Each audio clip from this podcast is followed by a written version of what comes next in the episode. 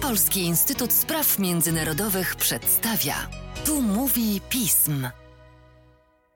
Tu mówi pism. Przy mikrofonie Mateusz Józwiak, a wraz ze mną Zuzanna Nowak, analityczka oraz ekspertka Polskiego Instytutu Spraw Międzynarodowych do spraw energii i klimatu. Cześć Zuzanno, dzień dobry Państwu. Cześć, dzień dobry. Szanowni Państwo, jak to mamy w zwyczaju, wraz z końcem roku następuje pora podsumowań. Nie ciężko domyślić się, że dzisiejsze podsumowanie dotyczyć będzie kwestii energetycznych, a także tych związanych z klimatem, a mamy o czym rozmawiać. W kwestiach związanych z e, energią i klimatem mamy dość dużo wyzwań, dość dużo kryzysów, z którymi przyjdzie nam się zmierzyć i z którymi zmierzaliśmy się w roku 2022, a dlatego może już teraz pora na pierwsze pytanie do naszej rozmówczyni. Droga Zuzanno, jakie lekcje możemy wyciągnąć z bieżących wydarzeń i sytuacji, a także jaką prognozę możemy nakreślić na najbliższe miesiące, ale także lata? Mm, zacznijmy od tego, że ostatni rok to był rok utraty wielu złudzeń i można by tutaj mówić o bardzo wielu wątkach, ale powiedzmy sobie o dwóch chyba najważniejszych kwestiach, przynajmniej z mojej perspektywy. Przede wszystkim należy mówić o rosyjskiej agresji na Ukrainę, która mm, stanowiła tak na dobrą sprawę techniczny test dla europejskiej infrastruktury energetycznej. Tutaj y, mieliśmy okazję wreszcie zweryfikować założenia o dywersyfikacji dostaw y, surowców energetycznych do Unii Europejskiej. Mogliśmy zweryfikować, y, jak funkcjonuje w rzeczywistości europejska solidarność energetyczna. No i tutaj właściwie straciliśmy dwa złudzenia. Po pierwsze, straciliśmy złudzenie, które dotąd panowało w Unii Europejskiej o tym, że współpraca z Rosją jest nieunikniona. Tak naprawdę okazuje się, że da się funkcjonować bez Rosji na europejskim rynku energetycznym albo z bardzo jej ograniczonym udziałem. Nie jest to łatwe, ale jest to wyzwanie, które Unia Europejska podjęła i dalej idzie w tą stronę. Ja nie widzę szansy, żebyśmy się mieli e, wycofać z tego podejścia, które w tej chwili mamy do Rosji, czyli po prostu ograniczamy tą zależność energetyczną. Mm, drugie złudzenie, no to część państw, które jeszcze to złudzenie w ogóle miało, zauważyła, że jednak po prostu partnerstwo z Rosją nie jest możliwe. To znaczy ten kraj nie był jak dotąd i nie będzie, dopóki nie nastąpią tam gwałtowne zmiany, a tych na pewno się nie można spodziewać w krótkiej perspektywie, nie będzie partnerem dla Unii Europejskiej ani wiarygodnym, ani pewnym. Także tutaj e, rosyjska agresja na Ukrainę bardzo dobitnie uświadomiła Unii Europejskiej, że e, zmiany są konieczne i zmiany są możliwe. Drugi wątek, który bym przedstawiła jako taki bardzo znamienny, no to konferencja COP27 w Sharm el Sheikh. To była konferencja, w której e, zauważyć można było całką, całkiem sporą dozę hipokryzji ze strony państw rozwiniętych. No to jest zarzut, który można słyszeć od wielu lat i praktycznie na każdym kopie się potwierdza, ale tutaj też kwestia odpowiedzialności za historyczne emisje była poruszana, wręcz wałkowana na wskroś. No, można też było zobaczyć małą moc sprawczą państw rozwijających się. E, to był dosyć duży problem tych negocjacji, zresztą tak jak każdych innych. Niby nic nowego, ale jednak te tendencje się pogłębiły. Konferencja w Egipcie to był też test dla w sumie dyplomacji klimatycznej Unii Europejskiej. Ta dyplomacja klimatyczna cały czas się rozwija, ona jest cały czas in the making.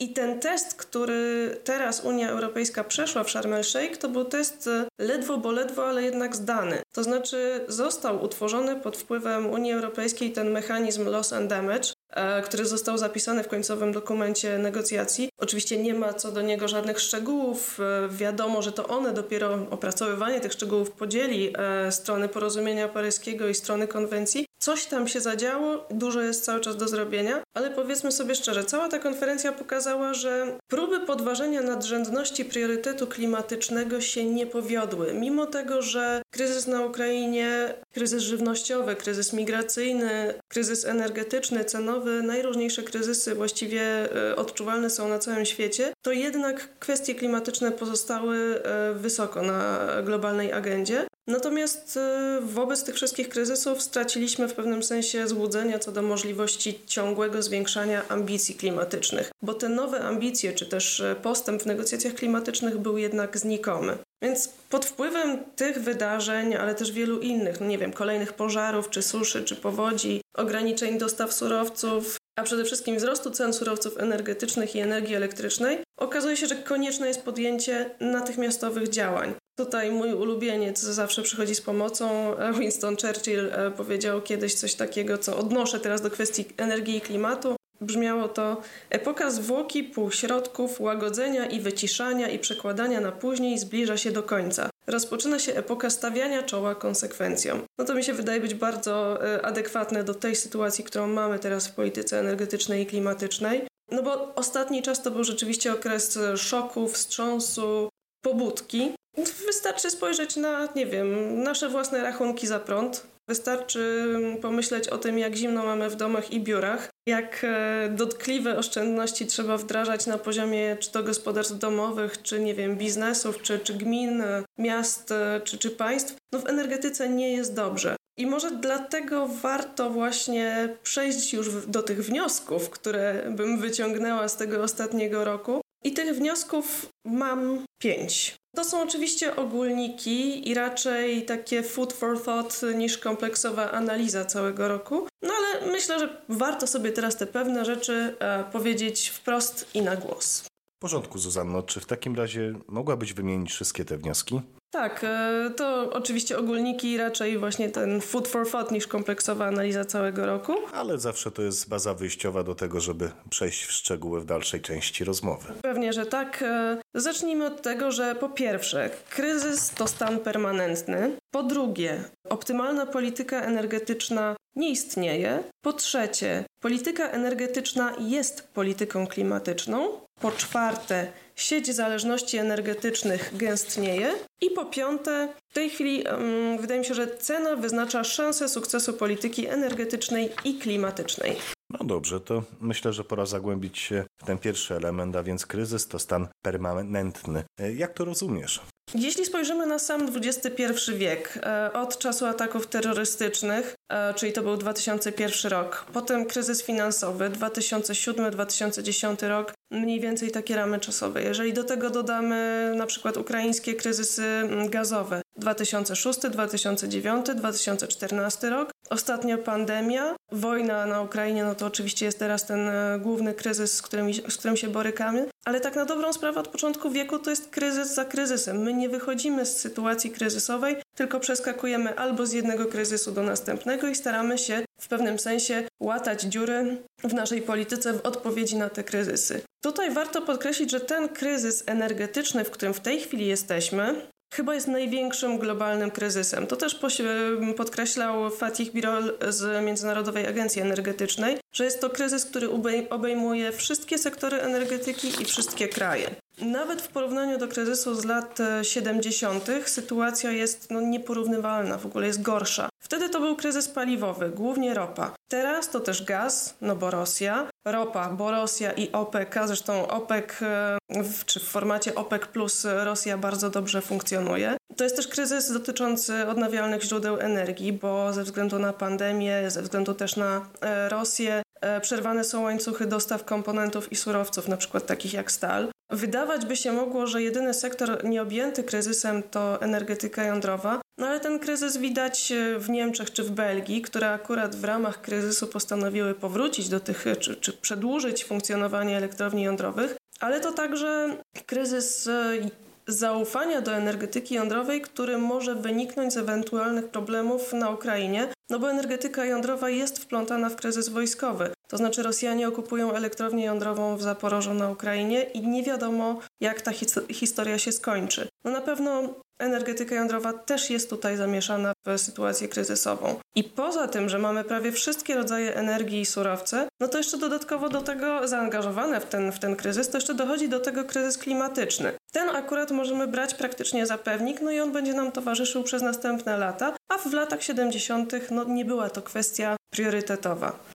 Oczywiście chciałbyś zapytać, co z tego wynika. Zdecydowanie. To ci od razu powiem, że jeśli kryzys to stan permanentny i wpływa na podaż surowców, energii elektrycznej, no bo też wpływa oczywiście na łańcuchy dostaw, stabilność geopolityczną itd., tak itd., tak to powinniśmy tak planować politykę energetyczną, by uodpornić się na wszelkie możliwe kryzysy, wszelkie możliwe sytuacje, które y, mogą się wydarzyć. Czyli zamiast reaktywnie, tak jak powiedziałam, łatać dziury w systemie energetycznym, należy skupić się na budowaniu własnej odporności. Czy to poprzez wzmacnianie własnego potencjału wytwórczego, czy ograniczanie nadmiernej zależności od zewnętrznych dostawców. Zauważmy, że w momencie, w którym teraz pozbywamy się niejako Rosji z europejskiego rynku, coraz silniej akcentują swoją obecność Chiny. No, jednym słowem, budujmy politykę energetyczną dla siebie, a nie przeciwko czemuś. Być może wyjdziemy z tego silniejsi. No to bardzo ciekawy wniosek i wydaje się e, wysoce rozsądny. Razem z nim przechodzimy do kolejnego punktu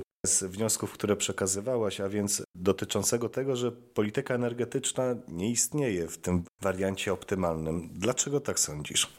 Wydaje mi się, że tutaj ten e, ostatni czas nauczył nas, że rzeczywiście optymalna polityka energetyczna nie istnieje. Jak spojrzymy na samą Unię Europejską i 27 państw członkowskich z jednego bloku, każde z tych państw ma zupełnie inną politykę energetyczną. E, to oczywiście podstawowa zasada suwerennego wyboru miksu energetycznego. Ona jest zapisana w artykule 194 Traktatu o funkcjonowaniu Unii Europejskiej. Dzięki temu, albo też dlatego mamy w Unii Europejskiej kraje takie jak, nie wiem, Polska, Czechy, Niemcy, zależne w dużej mierze od węgla. Mamy Francję, Rumunię, Słowację, opierające się na energetyce jądrowej. Mamy Hiszpanię czy Portugalię stojące, stojące na OZE i LNG. Oczywiście też mamy dużych innych importerów gazu, znowuż Niemcy, czy Holandia, czy Belgia. Skład miksów energetycznych w każdym z państw członkowskich jest bardzo różny i różne są te polityki energetyczne. I co dzisiaj mamy? No, mamy sytuację, w której praktycznie każde państwo członkowskie Unii Europejskiej boryka się z problemami wynikającymi z kryzysu energetycznego. Nawet w słonecznej Hiszpanii czy atomowej Francji ceny energii są wysokie, rośnie problem ubóstwa energetycznego i ogólnie inflacji. Każdy tak na dobrą sprawę w tej chwili walczy, stara, sobie, stara się poradzić sobie jakoś z tym kryzysem. Co to oznacza? E, skoro kryzysy uznajemy za stan permanentny, to był mój punkt pierwszy, i na dodatek nie ma czegoś takiego jak optymalna polityka energetyczna dostosowana do tej sytuacji e, kryzysowej, co widać właśnie po krajach Unii Europejskiej, to znaczy, że może warto przemyśleć na nowo sposób kształtowania tej polityki. Zamiast szukać ideału, Lepiej skupić się na takim opracowaniu strategii, by dało ją się dostosowywać do zachodzących zmian. To oczywiście brzmi ogólnikowo, ale rzeczywiście dotąd raczej była tendencja do szukania dosyć sztywnych ram, wieloletnich e, i bardzo często polityki energetyczne przedawniały się, zanim zostały oficjalnie opublikowane w dokumentach rządowych. No a to jednak wymaga pewnej elastyczności. Oczywiście elastyczność jest e, konieczna, zwłaszcza w tak trudnych e, czasach jak teraz. No, ważne jest budowanie własnych kompetencji, inwestowanie w szeroki wachlarz technologii, połączenia międzysystemowe, rozwój sieci. Niby to wszystko, co robiliśmy dotąd, ale w momencie kryzysowym teraz widzimy, jak to działa, widzimy, jak to funkcjonuje, dostrzegamy braki i widać, że to, co robiliśmy dotąd, nie jest wystarczające. Widzimy na przykład, że prowadzenie polityki opierającej się tylko na zarządzaniu podażą energii nie starczy. Należy też na przykład skupić się na zarządzaniu popytem. Tego nas nauczył kryzys i oszczędności i ciągłe zwiększanie efektywności energetycznej. A jak rozumiesz stwierdzenie, że polityka energetyczna jest polityką klimatyczną? Mm, do niedawna często można było usłyszeć, że klimat i energia to są dwie strony tego samego medalu albo dwie strony tej samej monety. Niby to samo, ale traktowane z różnych stron. Widzimy je z jednej strony albo z drugiej strony, ale jakoś to nie do końca było y, spójne. Tymczasem od początku wdrażania Europejskiego Zielonego Ładu i regulacji, które są z nim na przykład regulacji Fit for 55, przynajmniej w Unii Europejskiej, klimat zaczął funkcjonować w pewnej nadrzędności do kwestii energetycznych. Europejski Zielony Ład i cel osiągnięcia neutralności klimatycznej do 2050 roku są niejako parasolem nad e, innymi politykami Unii Europejskiej, w tym też nad e, polityką energetyczną. Więc de facto można powiedzieć, że polityka energetyczna jest polityką klimatyczną i ma na celu, poza zapewnieniem oczywiście bezpiecznych dostaw energii i surowców, także sprzyjanie osiąganiu celów klimatycznych. Dlaczego to jest istotne z perspektywy ostatniego roku? Dlatego, że mm, nawet w obecnym kryzysie europejskie środki zaradcze wdrażane w takim trybie awaryjnym, przyspieszonym, takie jak e, na przykład regulacje Repower EU czy e, pięknie nazwana regulacja oszczędzamy gaz, by wystarczało go w zimie. E, w tych propozycjach Komisja Europejska za każdym razem podkreśla ich wyjątkowość, to znaczy, że to nie są długoterminowe rozwiązania, to są rozwiązania doraźne na dziś, na teraz i twierdzi, że nie tracimy z oczu celów klimatycznych, nawet jeśli krótkoterminowo, teraz właśnie, wzrośnie emisyjność gospodarki, bo wzrasta wykorzystanie węgla i innych paliw kopalnych. No cóż z tego wynika? Znowuż to samo pytanie. Podkreślałam przed chwilą konieczność e, tworzenia polityki energetycznej e, w sposób adaptacyjny, to znaczy ona musi umieć się dostosowywać do, zaistnie- e, do kryzysów, które na pewno jeszcze zaistnieją. Tutaj widać, że wybory technologiczne powinny uwzględniać długoterminową zbieżność polityki energetycznej i klimatycznej, czyli ewentualne krótkoterminowe problemy energetyczne na przykład mogą być rozwiązywane z użyciem paliw kopalnych, ale ze świadomością konieczności wyrównania rachunków w perspektywie 2050 roku. Oznacza to, w moim mniemaniu, oczywiście tutaj można by dyskutować, ale oznacza to dla mnie, że cel 2050 e, należy traktować jako nieodwołalny. On jest umowny, ale trzymajmy się go. Chodzi o zmianę myślenia, to znaczy nie róbmy polityki energetycznej tylko dlatego, że jakieś regulacje klimatyczne tak nakazują, ale myślmy o konsekwencjach i oddziaływaniu społecznym, e, czy gospodarczym, czy klimatycznym naszych działań, które owszem przez regulacje są określone, ale skupmy się na tym, do czego tak naprawdę dążymy. A jest nad czym się skupiać, tym bardziej, że myśl kolejnego z wniosków sieć zależności energetycznych gęstnieje, a wraz z tym jak gęstnieje, stwarza to pewne ryzyka i pewne wyzwania.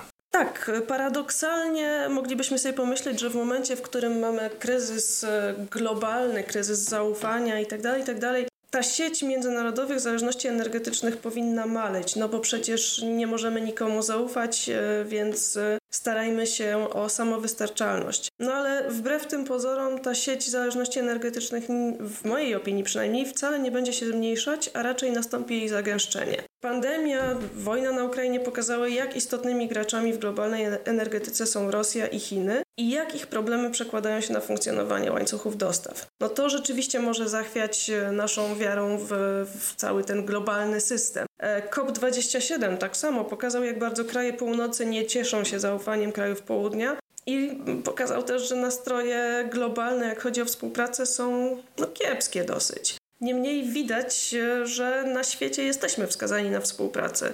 W ramach poszukiwania substytutów dla zasobów energetycznych pochodzących z Rosji zaczynamy szukać e, innych graczy.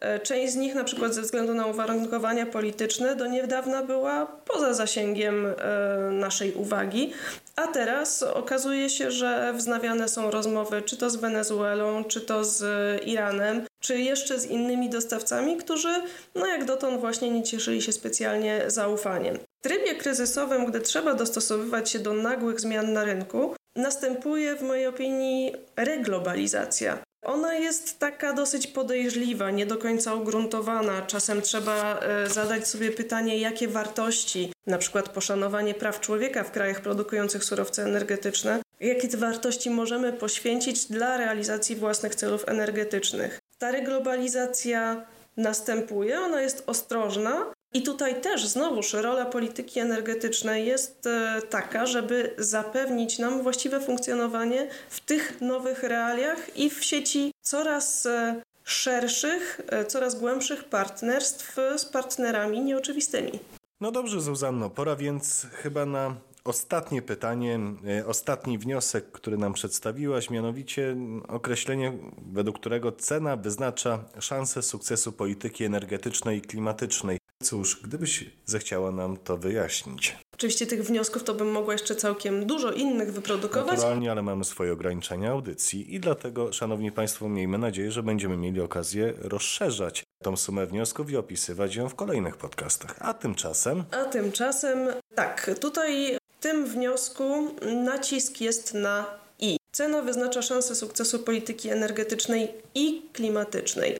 E, jeśli spojrzymy na rządową definicję e, bezpieczeństwa energetycznego, to jest to taki stan gospodarki, który zapewnia pokrycie bieżącego i przyszłego zapotrzebowania odbiorców na paliwa i energię w sposób technicznie i ekonomicznie uzasadniony przy minimalnym negatywnym oddziaływaniu sektora energii na środowisko i warunki życia społeczeństwa. W zakresie bezpieczeństwa energetycznego i polityki energetycznej kwestia ceny była omawiana od zawsze w kontekście właśnie tego, czy możemy sobie na e, dane surowce energetyczne pozwolić. To tak zwana affordability, czy stać nas na pozyskiwanie surowców na przykład droższych, ale bezpieczniejszych, na przykład w kontekście importu z Rosji? Ile możemy zapłacić za bezpieczeństwo energetyczne? I tutaj kwestie cenowe były dosyć jasne. Ale kryzys teraz pokazał, że cena ma znaczenie i to olbrzymie znaczenie dla realizacji polityki klimatycznej. Nie tylko w zakresie tego, tak jak dotąd myśleliśmy, że czy stać nas na drogie OZE, czy wdrażanie technologii wodorowych i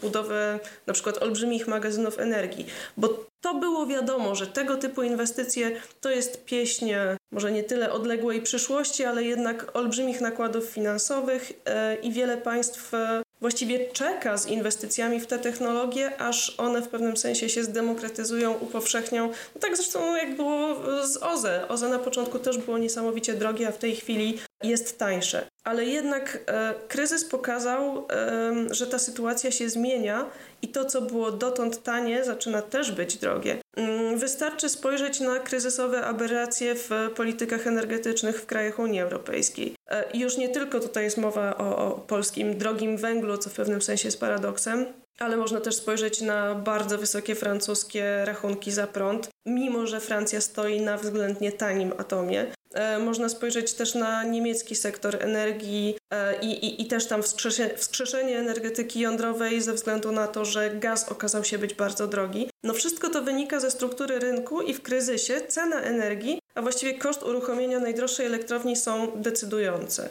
Tutaj pojawiają się dwie kwestie, czyli na przykład zakres interwencjonizmu państwowego e, i europejskiego z, z jednej strony, a z drugiej strony inwestycje. O, in, o, interwencji państwowej można by bardzo dużo mówić i, i to będzie na pewno przedmiot e, dyskusji w Unii Europejskiej w najbliższym roku, ale skupiając się na inwestycjach, w ostatecznym rozrachunku e, można powiedzieć, że ważne są teraz rozsądne inwestycje w infrastrukturę i innowacje, czyli takie wspierane państwowe inwestycje, które należy rozpatrywać jako ubezpieczenie cenowe na kolejne kryzysy. Wracamy znowu do początku mojej listy tych wniosków dzisiejszych i budowy odporności energetycznej. Tutaj ten Pięć wniosków, no to jest oczywiście takie przekrojowe, ogólnikowe. E, nie mamy za dużo czasu, żeby oczywiście mówić o nich e, w sposób bardziej szczegółowy i mam nadzieję, że w przyszłorocznych publikacjach będziemy się do tego właśnie odnosić. Ale no mam nadzieję, że tutaj takich pięć wniosków, pięć ogólnych lekcji spotka się z Państwa zainteresowaniem i zachęcam do dyskusji.